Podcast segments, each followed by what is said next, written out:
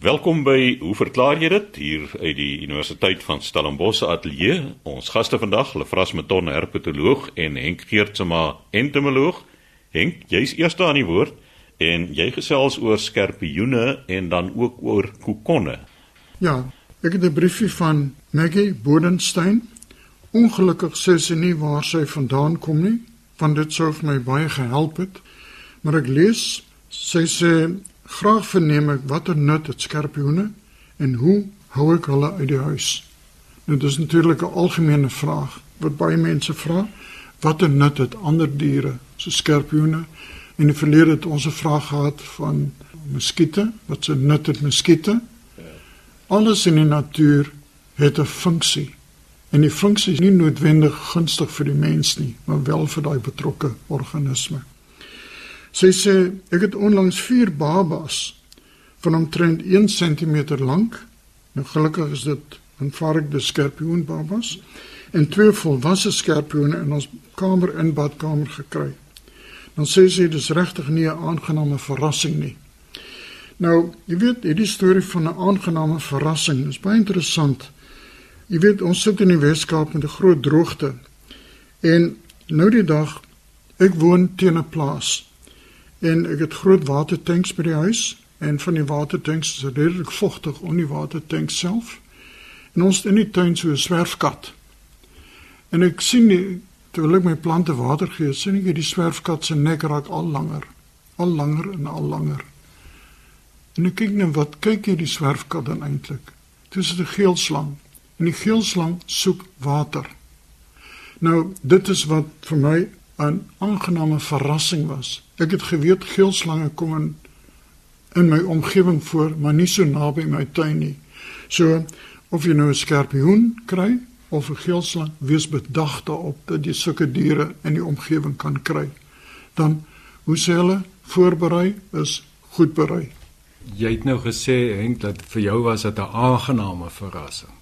Nee, ek bedoel aangenaam omdat ek hou van dierlewe in my tuin. My tuin is vol voëls en allerlei diere en so en molle en so natuurlik. Molle is nie so aardige dier nie. Watter nut het molle kan 'n mens ook vra? Molle het 'n baie nuttige funksie in dat hulle die grond belug en natuurlik drenasie en so bevorder. Maar natuurlik as jy bolplante het, is dit nie 'n goeie ding nie vir die mol wel. Nou om terug te kom na die skorpioene. Nou sy het vier babetjies gekry en twee volwasse skorpioene. Nou die badkamer is glad nie vir my verrassing nie. Ek vermoed Maggie Bodenstein is in 'n droërige wêreld en natuurlik die badkamer is altyd vogtig. En skorpioene, net soos insekte, soek vog. En die badkamer is die vogtigste plek om vog op te tel. Natuurlik insekte en skorpioene en spinnekoppe die vermoë om deur hulle huid water van die omgewing op te tel. Ek het so 'n paar jare wat gelede oor bosluise gepraat. Bosluise natuurlik ook 'n vermoë om uitgedroog te word as hulle op die grasstingeltjie sit en wag vir die prooi. Die son bak hulle droog. Dan sak hulle af na die humuslaag, dan tel hulle weer vog op en dan gaan dit maar weer teen die stingeltjie op. So dis 'n algemene verskynsel dat arthropoda in die algemeen soek vog. So in die badkamer. Die kamer, die kamer was skynbaar koeler en hulle was op pad na die badkamer toe. Nou die ding is nou sê sy hoe hou hulle al uit die huis uit. Nou ek het 'n vorige program verwys daarna dat mense kan nie spinnekoppe eintlik met 'n insekdoder doodmaak nie. En 'n mens kry ook nie 'n spesifieke skorpioen of spinnekop uh, spuitbuisie nie. Wat wel effektief kan wees, is mens moet uitvind waar kom die spinnekoppe in die huis in? Is dit deur 'n venster? Maar gewoonlik is dit op die deur van die voorstoep. Want op die stoep het mense 'n lig, lig wat brand. Die lig lok insekte en die insekte lok natuurlik weer skorpioene, want skorpioene voed op insekte. So indirek is die mens verantwoordelik vir die feit dat die spinnekop na sy huis toe kom en dan as dit nou lig word, dan skuil die spinnekop in plaas om terug te gaan na die omgewing, kan die skorpioen dan in die huis in beweeg. So wat ek nou vra wil Frans, jy kan gerus weer vir ons skryf van waar is Maggie Bodenstein Beskryf vir my die skorpioen, is dit 'n dik of 'n dun stert skorpioen? Want dit maak baie groot verskille. 'n Dun stert skorpioen kan steek, maar is baie traag om te steek en die steek is nie baie pynlik nie, terwyl 'n dik stert skorpioen is 'n lelike meneer of mevrou. Dan miskien is dit in die Karoo gebied van waar af Maggie Bodenstein kom. Het hulle brandhout of braaihout in die hande gekry? Want baie kere met die koop van brand en braaihout langs die pad, koop mense byvoorbeeld nou doringboom met 'n stukkie bas aan. En baie skerpbone skuil onder die bas. En wanneer die brandhout nou gestapel word of die braaihout, dan begin die spinnekoppe rondloop en natuurlik hulle soek skuilings en die skuilings kan ook in die huis wees. Dan die omgewing van Maggie Bodenstein. Is dit 'n klipprige omgewing? Is die huis nuut gebou in 'n redelike stabiele omgewing? Met ander woorde, jy het nou die, met die huisbouery die omgewing versteur. Is daar baie klipprigheid en so aan? En dan die vraag is natuurlik is daar 'n lig op die stoep? Nou Maggie, as jy nou hierdie vraag vir my kan beantwoord, dan kan ek jou miskien 'n bietjie meer raad gee. Maar die raad wat ek op die oomblik kan gee, sou die spinnekop die skerpioene by jou deur kan inkom as jy dink dis 'n moontlikheid, verf of parafin of terpentyn al langs die vloerkant, met ander woorde op die voetlys van die deur. Dit sal hulle nie keer nie, want hulle sal ten minste probeer weghou. Wees maar net versigtig vir hulle en hoop dit is nie vir jou 'n aangename verrassing as jy hulle sien nie. Maar kom terug na my toe asseblief. Henk, eh, praat ek nou daarvan baba skerpioentjies. So dink jy dit is nou skerpioene kry hulle lewendig kleintjies of lê eiers en uh ek weet sommige van hulle dra die kleintjies op die rug. Beteken dit dat daar is 'n hele klomp ander klein skerpioentjies daar in die omgewing? Ja, ek vermoed dat die omgewing van Maggie Bodenstein is 'n ideale gebied vir die skorpioene. Want hierdie vier babetjies van 'n sentimeter lank, dit is hulle vras is heeltemal reg. Die volwasse skorpioen wyfie dra die klein skorpioentjies op haar rug saam. So dis heel moontlik dat hierdie volwasse skorpioen nou hier was 2, maar daar's net vier babetjies van 1 cm. Gewoonlik is die spul so 12 tot 20, so daar kan meer van die babetjies wees. En die babetjies kan ook steek al is hulle hoe klein. Natuurlik, hulle steekies is nie so baie pynlik nie, is baba pynlik. Maar dis ook om te vermy. Die klein babes binnekoppies sal wel met 'n insekdoder doodgespuit kan word, maar nie die grootes nie. So die skerpioentjies ja. So as jy klein skerpioentjies sien, natuurlik die voet is baie makliker as 'n spuitbus. Trap hulle dood. Nou, ek het nou hier 'n brief van Celeste Leroux En sy stuur dan 'n foto saam, maar ek kan nie die foto uit my rekenaar uitkry nie. Ek het vir Chris al 'n paar keer gesê, stuur vir my die foto dan probeer hy dit ook, maar dit werk nie. Maar die ding is sy sê sy het 'n kokon gevind in haar motorhuis. Die kokon is aanvanklik toe, maar vandag is dit oop en vol eiers. Nou vra sy watter insek is hier te sprake? Die syagtige omhulsel is al maande lank so en sy het al baie perde by in haar tuin en 'n motorhuis gesien, 'n klein oranje soort, asook die groter en dan die sin eindig met GE en dan drie kolletjies. So ek vermoed dis die groter geel perdebye wat nou uitgekom het. Nou die kokon. My eerste vraag is is die kokon rond of ovaal? Hoe groot is die kokon?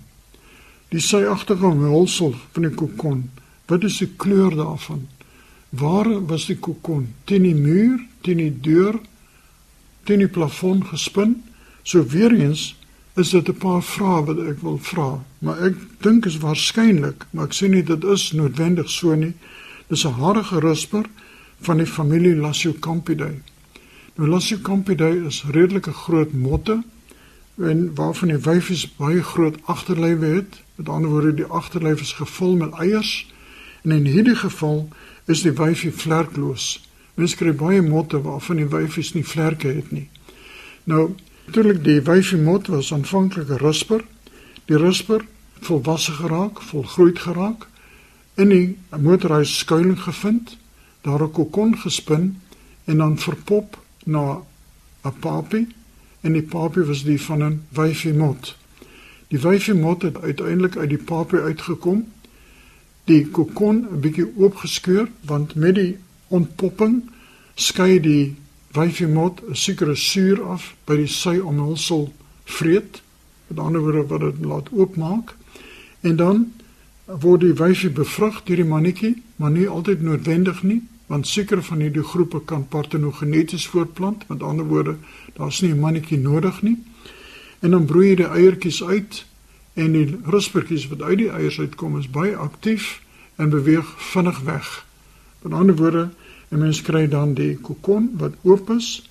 Dis oop en vol eiers. Hierdie eiers is skynbaar nog nie uitgebroei nie, maar as hulle uitbroei, dan gaan die klein ruspertjies wat uitkom gaan eers voet op die ma. Ons noem dit matriforie. Dis 'n verskynsel wat by sekere insekte voorkom. Die wyf is natuurlik nou al dood en soos die agterlyf nou ontbind as dit ware, word die eiers blootgestel. Die larwetjies kom uit en dan die eerste proteïnebron wat hulle kan vind, is dan die ma. So hulle voed dan op die dooie ma. Dit is 'n nare storie, matriforie, maar ek vermoed dit is wat hier sou voorkom. Die kokon kan natuurlik ook deur 'n muis of deur 'n voël oopgeskeur gewees het.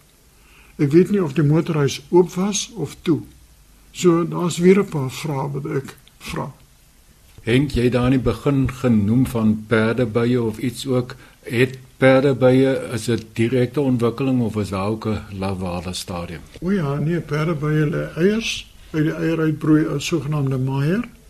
Die perdeby maier het nie pote nie soos kewers, soos skoenlappers, motte almal en dan verpop hulle ook in 'n sykokon, maar die kokon van die perdebye is glad aan die buitekant. Dis nie 'n harige kokon nie, soos van motte nie. So daar's nie syspinsel nie. So sê Henk Geertsma, ons entomoloog. Nou, lefras, 'n verskynsel wat mense wat op 'n plaas groot geword het, baie goed bekend is mee is dat as jy hoenderslag en jy sy kop afgekap moet jy hom baie styf vashou totdat die rukkings en die geskoppery bedaar anders hardloop hy die hele wêreld vol en spuit ook die hele wêreld vol bloed. Hoekom?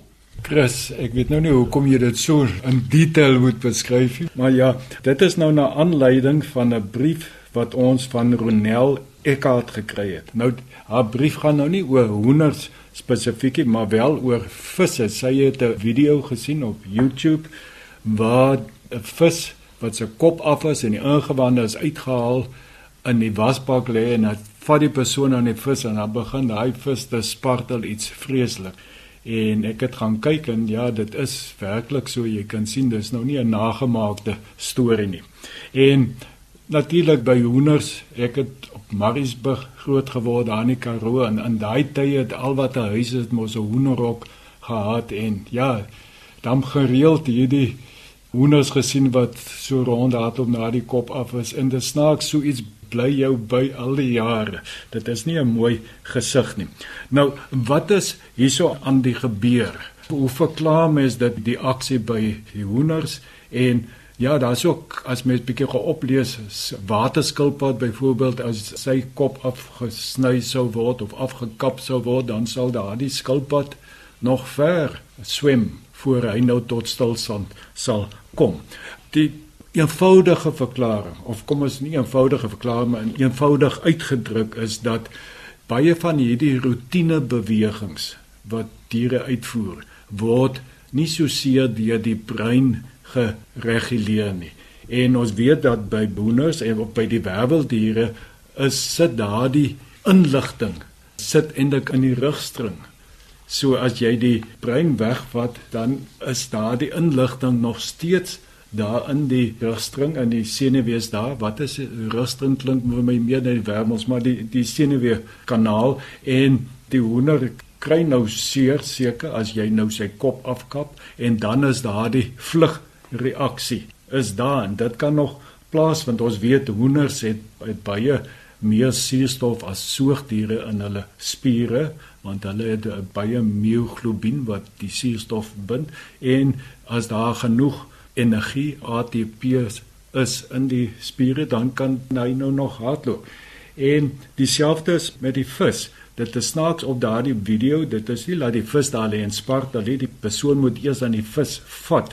En wanneer hy aan die vis vat hier na die ster toe, dan raak hy eintlik aan reseptore, senuweereseptore wat daardie refleks reaksie, die normale vlugreaksie aan die gang sit. Dit het niks met die kop te doen nie.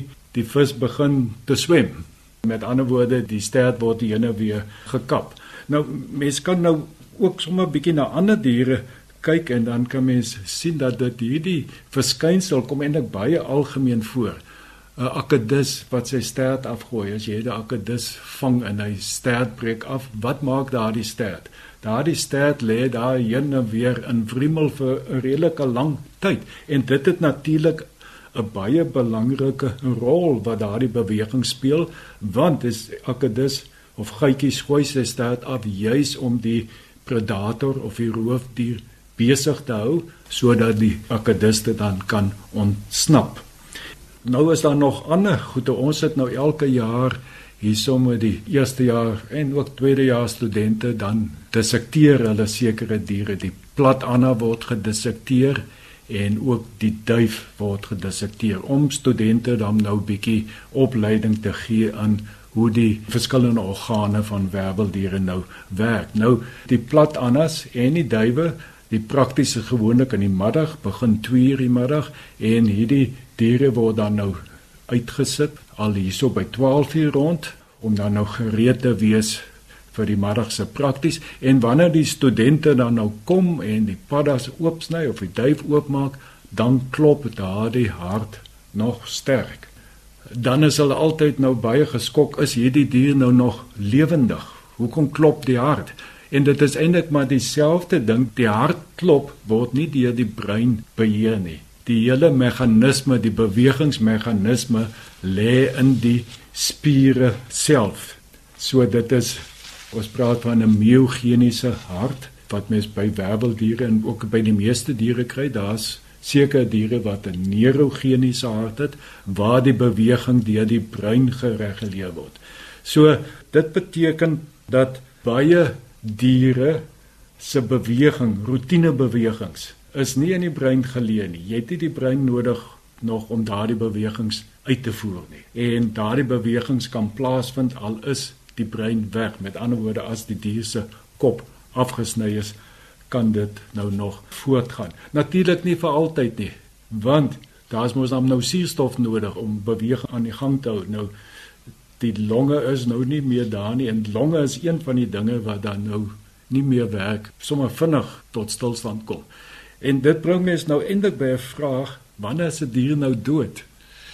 Is dit wanneer sy hart gaan staan? Is hy dan dood? Skynbaar nie, want die vis het al sy ingewande is uitgehaal en hy kan nog beweeg. Is hy nou dood? Of is dit wanneer hy op asemhaal? Dis 'n moeilike vraag. Ek weet nie hoe jy daar oor voel nie. Hulle vra ons eerste hulp kursusse bywoon. Dis een van die eerste lesse wat jy leer om uit te vind of die slagoffer nie meer met ons is nie of wat. Maak sy oë oop. As die pupil nie reageer nie, is die persoon brein dood en daar's niks wat jy verder kan doen nie. Maar ek dink wat eintlik hier gebeur is die kop van die hoender af is. Die brein is eintlik 'n wonderlike stelsel wat die spiere koördineer en die willekeurige spiere en die onwillekeurige spiere word dan beheer deur die brein. So die brein is eintlik 'n demper en as die demper nou weggevat word, dan raak die hoender heeltemal afkop. Dink dit is nie heeltemal waar nie. Willekeurige spiere of onwillekeurige is dan nou soos hart en goed wat jy nie kan besluit ek gaan nou ophou met my hart laat klop. Daar's geen besluitneming nie. En hierso wat die die hoender nou hardloop, dit is willekeurige spiere wat gebruik word, né? Want as die brein nog daar sit, dan kan die hoender mos nou besluit ek loop nou daarna toe. So is willekeurige spiere. Maar die reaksie op vlug, daai boodskap, dit is nie in die brein, dit is baie kompleks. Daar word redelik baie navorsing daaroor gedoen oor hierdie senuwee netwerk, hoe dit werklik werk, hoe die inligting daar gestoor word om sulke reaksies tot gevolg te hê om nog te kan hardloop of om te swem Ja. al het jy nie meer 'n kop nie. So, Chris, ek weet nie of ons nou nog tyd oor het nie, maar daar so in die 40e jare was daar 'n baie beroemde hoender gewees. Nou hy die eienaar het ook op Sondag besluit maar hy gaan nou die hoender nou slag en hy die hoender se kop probeer afkap. Hy het nie baie mooi hy het hom 'n klein bietjie hoog afgekap, hoog in die nek, net so so daar nog so die onderste deel van die kop het nog op die nek gesit. Nou ja, die hoender het ook gehardloop en gespatel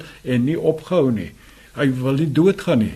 En toe het die eienaar nou besef maar nee, nie so goed hy, hy wil nou maar liewers die hoender probeer red en hy daai hoender gehou en daardie hoender het vir iets soos 18 maande gelewe met basies sonder kop en hy het die hoender gevoer deur kos in die keel in die nek af te druk en natuurlik het hulle probeer geld maak so hy het nou so op toer gegaan met hierdie hoender en sulke vertonings gehou en toe op 'n dag tydens so 'n vertoning het die hoender nou net so 'n roggel geluid gegee en toe sy laaste asem uitgeblaas. So ek weet nie hoe waar die storie is nie. Die mense wonder ook.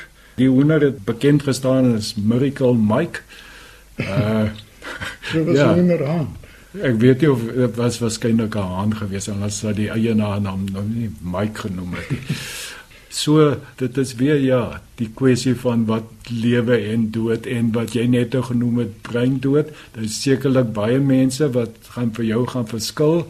'n Persoon breindood is of hy nou dood is, as hy nog asemhaal, dan is die persoon mos nog lewendig. As sy hart nog klop, wat maak mense as jy by iemand kom, jy voel die puls en dan sê daar's 'n puls en dan is die mens mos nog lewendig. Ek weet nie. Jy kan maar die puls voel van iemand wat volgens die oogpupil dood is. Daar's nie meer hartklop nie. Die brein is dood. Maar om terug te kom, kyk, ons ken natuurlik by die insekte die klassieke geval van die bidspringkaan. Wanneer die mannetjie en die wyfie paar, dan ek het in 'n vorige program daarna verwys dat die wyfie bidspringkaan probeer die kop van die mannetjie afbyt sodat die impuls van die mannetjie om bang te wees vir die wyfie verdwyn. En die paringsstelsel van die mannetjie bly behoue, bly intak en bly funksioneel. En hy's nou sonder kop. So die mannetjie paar met die wyfie sonder kop. So hy is kop af verlief as dit ware. Maar om terug te kom na jou hoenderstorie. Ek was 'n keer by 'n partytjie en daar's 'n redelike ouerige dame wat baie lief is vir die hanepoot soetwyn wat ons in die Kaap het. En sy het na so 'n paar glasies gesê, "Geef my nog van daai hoenderkop wyn." Nou ja, dit was dan Lefras Meton wat vir ons vertel het hoekom die hoender nog sonder 'n kop kan rondhardloop. Nou die spreekwoord sê dollar as kop af kan dit nie, maar nou lyk dit vir my dis eintlik andersom. maar daarmee moet ons ook groet. Skryf gerus aan ons by hoe verklaar jy dit? Posbus 2551 Kaapstad 8000 of stuur 'n e-pos aan chris@rsg.co.za.